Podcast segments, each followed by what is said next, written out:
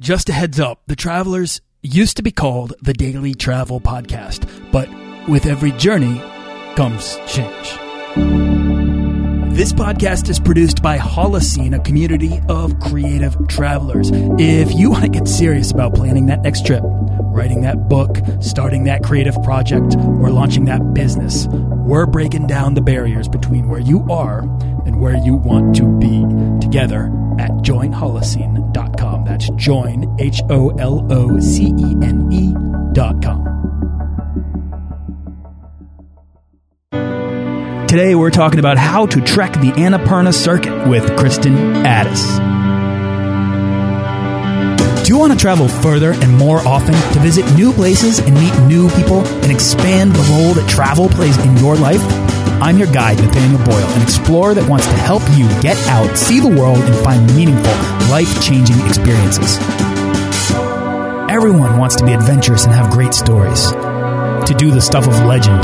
This is the Daily Travel Podcast.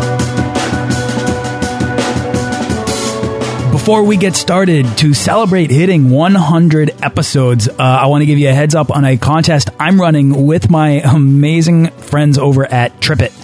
Uh, TripIt, it's one of the most recommended travel apps on this show, and and personally, I love it. Uh, it makes my travel life so much easier.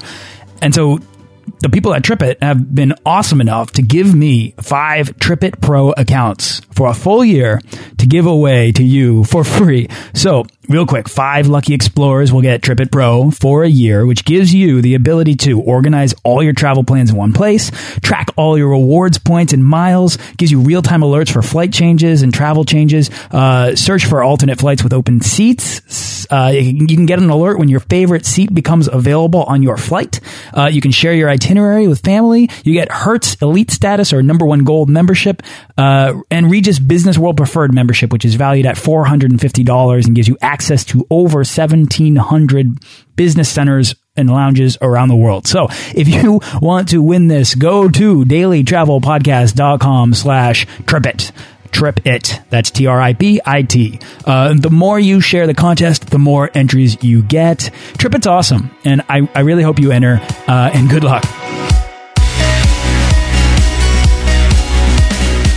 In yesterday's session, travel blogger and offbeat explorer Kristin Addis shared how she left her job in finance for more adventure and how that took her around the world and changed her life. If you're interested in trading your desk for a life of travel or even just to hear about her amazing experiences, have a listen to part one if you haven't already, or sit back and enjoy part two of my conversation with Kristin Addis. What I'm going to get into, as promised in my introduction, is the Annapurna circuit. I want to talk to you about uh, that. Sticks out to me as this massive challenge, as if you've done all of these trips, you've gone to all of these places, and then uh, at the sort of pin, at the peak of all of that is this huge trek. Um, what inspired you to to even tackle the Annapurna circuit to begin with? So I love trekking. It's something my family and I have always done together. And, um, well, we call it hiking. I'm not sure what the difference is, but, um, it's just something that I kind of grew up doing and I enjoy it immensely. And so I actually have been trekking a lot on my trip. I did it in Malaysia and I did it in Indonesia and, um, a lot in China. And two of the times that I went trekking, one was the tallest peak in Southeast Asia, the uh, Mount Kinabalu trek that was brutally difficult. And on the way, I met this really awesome um, fellow traveler named Ned. And he was telling me about how he had done um, Everest Base Camp. And I just was like, oh, is that affordable? And he told me, yeah, I only spend about 20 per day. You don't really need a guide. And then when I was climbing Rinjani in Indonesia, another girl told me, uh, Laura, she told me that she had done the Annapurna circuit and that it was one of the best things she'd ever done. And she thought it was so beautiful. And so I had two people basically telling me that trekking in Nepal was excellent for them and they really enjoyed it. So I started to look into it. And between the two, I decided the Annapurna was better for me, a little less crowded, and it looked just so naturally beautiful. So that's how I chose it. And, um, you know, I, it, of course it was difficult, but, um, it's not like I jumped right into it without any prep first. Yeah, well, let's talk about prep. I mean, because that the first thing that comes to mind, and I think that might scare people away from doing it, is uh, altitude sickness, or at least the fear of experiencing that. I've heard it's absolutely miserable. I've seen people on video with it; does not look like fun at all. Um, were you concerned about that at all? Yeah, it's really dangerous. So um, I think it's really wise to leave a lot of time because I met so many people on the trail who couldn't go nearly as quickly as we were because they um, were getting altitude sickness. And I had spent a lot of time in the Tibetan Autonomous Prefecture of China, um, basically acclimating. And I had spent time in Kathmandu and Pokhara before taking on the trek just to try as much as I could to acclimate. Now, um, I, I trekked this quicker than most people do. Um, I met this um, amazing Belgian girl on the bus on the way to the trailhead, and she and I just were really good motivators for each other. We, you know, we wanted the exercise. We just pushed it ourselves as much as possible. So we actually did it more quickly than almost anyone else we met on the trail, except for at the end. We took that seriously and we went slowly. And I did get altitude sickness on the last day, just as I was about to reach the peak. I got really dizzy. I thought my head was going to explode and I knew it was bad. And, um, I mean, about five minutes from the peak, I remember thinking, oh no, I, I really need to descend. Like that's the only way to cure this. And, um, I finally reached the peak and was just so happy that I was there because I, I knew that I needed to descend. So we took a few pictures and then I just immediately had to start going down and, um, descending is all you really need to do to feel better. But for a lot of people, that was really disappointing because they never made it to the summit. They never made it to the pass because they just got too sick. Yeah, it's like, I mean, you hear that about people who actually climb to the peak of Everest. You only get a couple minutes up there if you're even lucky enough. And then the great challenge is the descent. Um, I like fast hikers. I really do. I did Tongariro Crossing with a bunch of people, and the people that I in New, this is in New Zealand over Mount Doom, as uh, as it's oh, known cool. in Lord of the Rings. It's gorgeous, and uh, I was with uh, you know a pretty large group of people, but three or four of us were just seemed to be faster than everyone else. But there was something about having each other there to push us forward, to drag us forward up the mountain and then down. Uh, and then when we were done, it was this amazing feeling of relief as we just pretty much just passed out in the grass waiting for everyone to catch up to us. Um, but yeah, I, I know that feeling, that feeling of um, camaraderie that you get when you're out hiking with somebody else who's pushing you forward. I think that, that that's a metaphor for travel, to meeting the people along the way that help you through the culture shock, that help you through the, the loneliness, that help you through any uh, tribulation or adversity that you find on the road. Uh, it really can be all about the people. I think the other key thing that you just said was that you built flexibility into your travel. So if you needed to slow down on the Annapurna circuit, you could. Um, and that's really important, I think, in general. Also, two people told you it was great, and you're like, you know what? I think I'm going to go do that. And and that is, you know, that's another thing that when you meet these people, they might compel, they might change your the course of your travels altogether. And I think being open.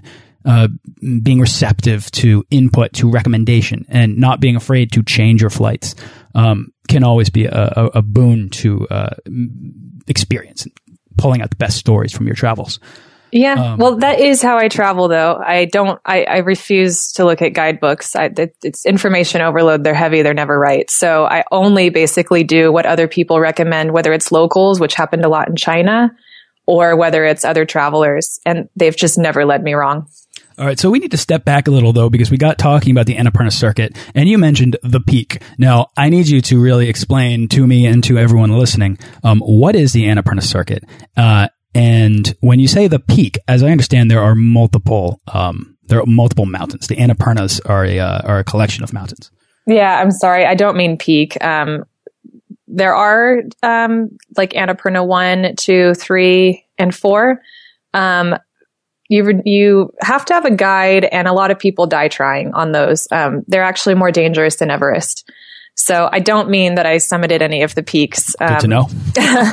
no, I made it to Torong La Pass, which is um, 5,416 meters.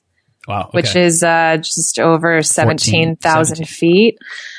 Um, so that is the highest I've ever been for sure. And the Annapurna circuit is basically the trek, trek leading up to this pass.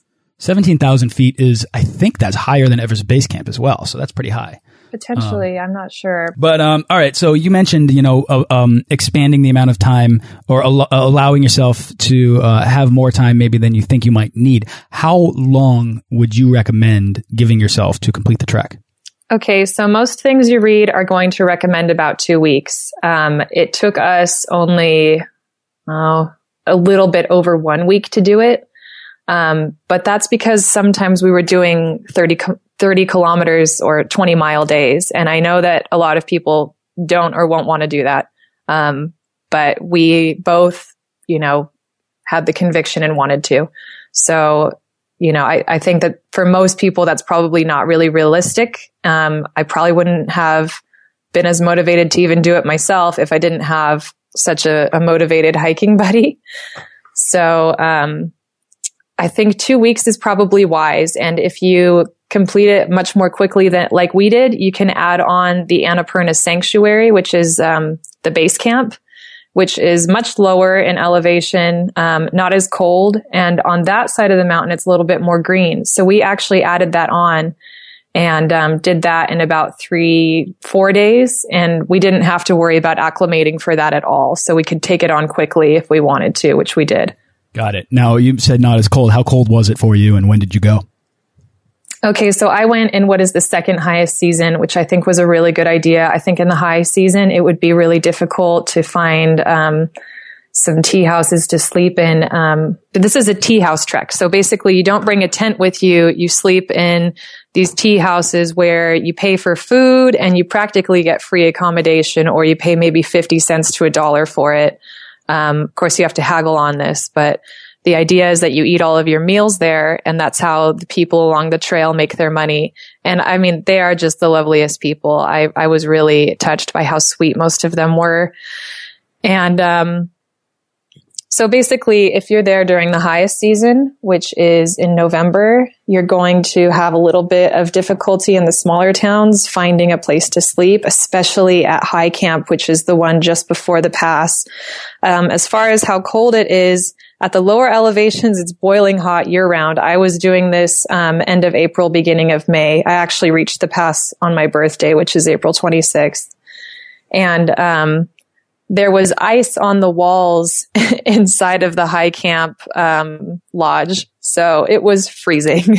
oh, wow. At the higher elevations. And, um, you know, some people attempt to do this in December, January, but it can be so snowed in that it's impossible. And then in the summer months, you get monsoon rains. So um, the autumn is ideal. And then the second best time is spring.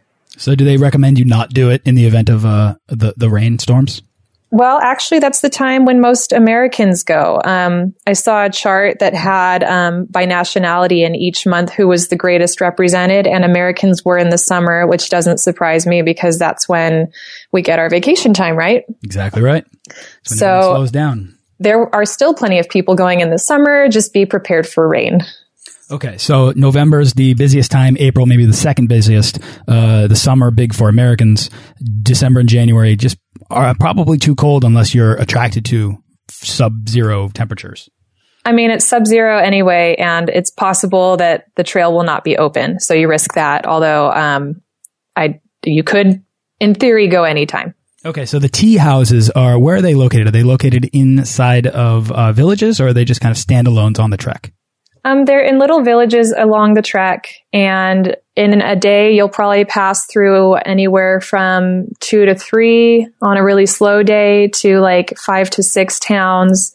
So it's kind of nice because if you get tired, you can stop and have some lunch or some chai tea, and then you can continue on your way. Um, or if you just aren't really sure where you want to stop for the day, you don't have to make those decisions before setting out, you can just kind of be like, I'm tired, I'm ready to sleep now and stop.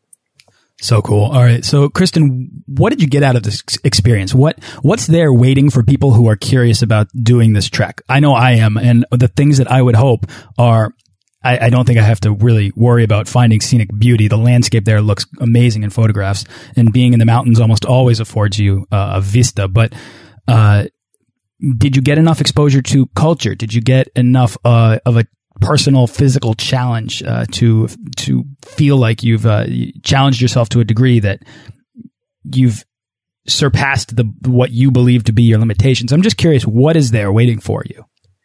Um, I'll I'll give you an example of a few of the little towns that I stopped in, and I think this should explain it pretty well, actually. Great. The first one we came to is called Ghermu, or at least with my American accent, that's how I pronounce it. and um, when we walked in, this little girl was holding out these berries for us called sea buckthorn berries. She was just like chewing on them, and then as we walked by, just opened her palm and offered us some, which was adorable.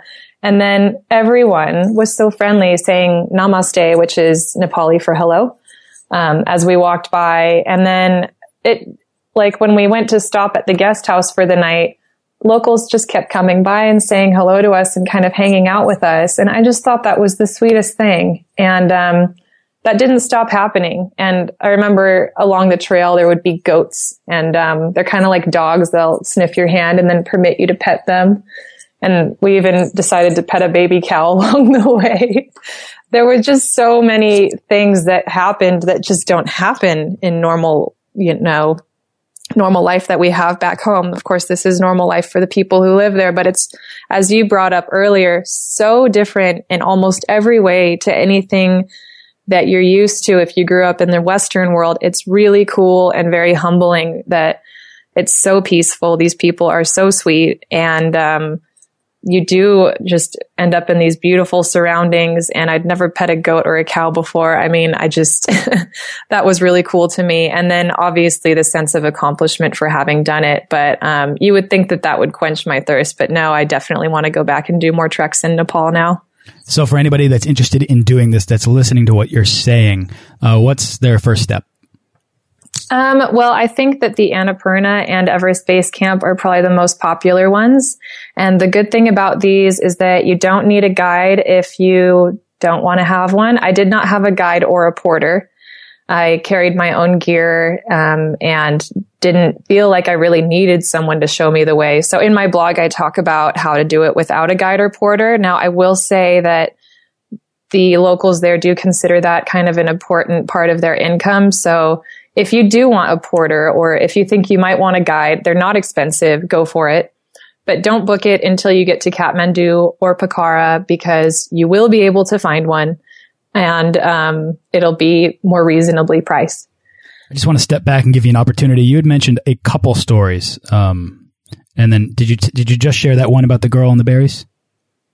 Um, that one, and then um, I remember I was almost to um, the high camp, and there were a bunch of porters playing music, and they kind of put their packs down for a second. And when my friend and I walked by, they kind of started dancing. So then we started dancing with them too. and then I thought, this is so funny. We're having a dance party with the porters at 4,000 feet. And then five minutes later, we're walking by yaks, which are really cool to see for whatever reason. And then you get to a certain elevation and all the milk that you have or all the cheese that you have is yak byproducts. So that's kind of cool. That's, yeah, that's amazing. So, I mean, th this is the thing that's, that I'm pulling out of what you're saying is that really oftentimes the best travel stories come from the people we meet and the ways in which we help each other uh, find our way. And in these remote areas of the world where people rely on the help of others, um, you find this sort of respect and reliance on community that brings with it a sense of kindness and a willingness to help. You know, there's this real value for for uh, for the community itself because the community supports itself. It helps itself. You know, I mean, maybe it's uh, you're in Siberia and your truck gets stuck and someone driving along helps you out because that's just part of life in North Siberia, you know? Um, and on these, uh, on, on this track, it sounds to me like it's about, uh, both, uh, the community of helping travelers along their way and also the, uh, the sort of the income that, that comes from that and the, the, the value of being helpful and being a kind people to a, uh, a, a regular, uh, source of economic value for a, a people. Um, is, to me, that's a really interesting. Um, it's a really interesting point that you're making about how helpful people are and how friendly they are, because I, I do genuinely believe that um, people people want to be helpful, but they can be more helpful in places in which there's a reliance on that. Yeah, it's definitely reciprocal. And I actually spent a total of three months in the Himalayas because I was in that region when I was in China as well. And I just have to say, maybe it's just just the peaceful surroundings that they're all, they're always you know growing up with and living in but the people in the himalayas are just so lovely so what has come from all of your travels and that's a massive question to ask you but i want to say i mean two two two and a half years ago let's say uh, you know, you quit your job and you've been going since and you've faced the challenges, but you've done so much. So I'm just curious, like, obviously there's no regret, but um, where do you stand now? Well, it really did a lot of things for me. It helped me develop compassion. Um, it helped me to become a bit more spiritual, to become more patient, although honestly, I'm still pretty impatient. I'm working on it. Um, it helps you cultivate kindness, but I think you know, maybe especially for women, but men too. I think traveling alone makes you fearless because you're suddenly able to talk to anyone. Um, like now I'll go to a party by myself, whereas before I probably wouldn't have. But now I'm confident that, hey, I'll just start a conversation with someone. It'll be fine. And um, that probably would have been unthinkable to me in the past. So um, it's it's taught me that I can, yes, talk to anyone. Um, that I am capable of doing, you know, some things that before I just never would have thought were possible. And that it's really not just me. Um, I've met 18, 19 year old girls out traveling solo. I mean, more kudos to them than to me. And um, I think that almost anyone can learn a lot about themselves and what they're capable of. And that's probably the most important thing that I've taken away from traveling. Um, it's just really enriched my life. Sure. I hear that. I mean, I could not have done this podcast had I not gone around the world and met tons of people. And now in doing this podcast, I have met more people in the past, let's say, what month is it? In the past seven months than I've ever met in any other period of time in my life. And mm -hmm. I have no problem with that. It used to be kind of, um, conversation seemed tedious to me. And now I I find that concept so hard to believe because I get on the on the phone every day with somebody and do one of these episodes and get into your lives. And it's just made me more curious about people and it's given me a greater respect for uh, all the different reasons that we are the ways that we are. And everything you're saying is really resonating with me. So um, gets me really excited. Um, All right. So, uh, I'm just, I'm just wondering, is there anything else that, you know, before we wrap up here, is there anything else that you would like to share about life, about travel to anybody that's listening that might want to, uh, might be considering the same thing you're doing or might be out there on the road asking themselves why they're doing what they're doing? Yeah, actually, you said earlier in the podcast, and I've read this in travel blogs as well, where people have said, you know, don't do it um, because it's hard to make money at it, blah, blah, blah. Yeah. But I really think for most of us, that's not the reason why we did it. I think a lot of people do it because they want that creative outlet. And I, of course, if you're getting into it because you only want money and press trips, I think you'll be disappointed. But if you want to do it, like, please don't let anyone discourage you. It's a great way to chronicle your travels. And I feel so happy and grateful going back and reading some of my earlier experiences. It's a diary. So, um, don't let anyone discourage you. I, I think that that's kind of unfortunate when people do. I love that. All right, Kristin, what's exciting you most right now? Where's your next trip or what's your next project? I'm going to be in Burning Man in a week and a half. That's really exciting. Fun. Yeah, that'll be wild, huh? Yeah, I love it. Well, it'll be my third time back, so. Oh, wow. Yeah. There's something about these these events that keep pulling people back. Once you get folded into that culture, you don't want to let go. Yeah, I love the community of it. So it's it's kind of fundamental to traveling, really. They go hand in hand. Awesome. Well, I will. Uh, I will. It sounds like this will go live after that. So I will link to your articles about Burning Man. I'll also link to your articles about the Annapurna Circuit for anybody that's listening that wants to see or hear more about it. Um, where can people go to find out more about you? Um, BeMyTravelMuse.com. And if you have any questions about the Annapurna Circuit, um, don't hesitate to contact me. That's awesome. Or just any questions in general. I do. I will. You can expect to hear from me. Uh, Kristin, awesome. Thank you so much for coming on the show. This has been a lot of fun, and I love I loved your perspective on an amazing experience that I want to hear, and your your you know your your boldness and your tenacity for getting out there and doing these things on your own. And uh, uh, kudos to you for doing that. Uh, really, congratulations. You're too kind. Thank you so much for having me. It was a pleasure. Thanks for listening to this episode of the Daily Travel Podcast. For show notes and links to everything in this episode and more, head on over to dailytravelpodcast.com. Join our Facebook page of explorers and subscribe to our newsletter for the best deals and resources to help make your next trip life changing.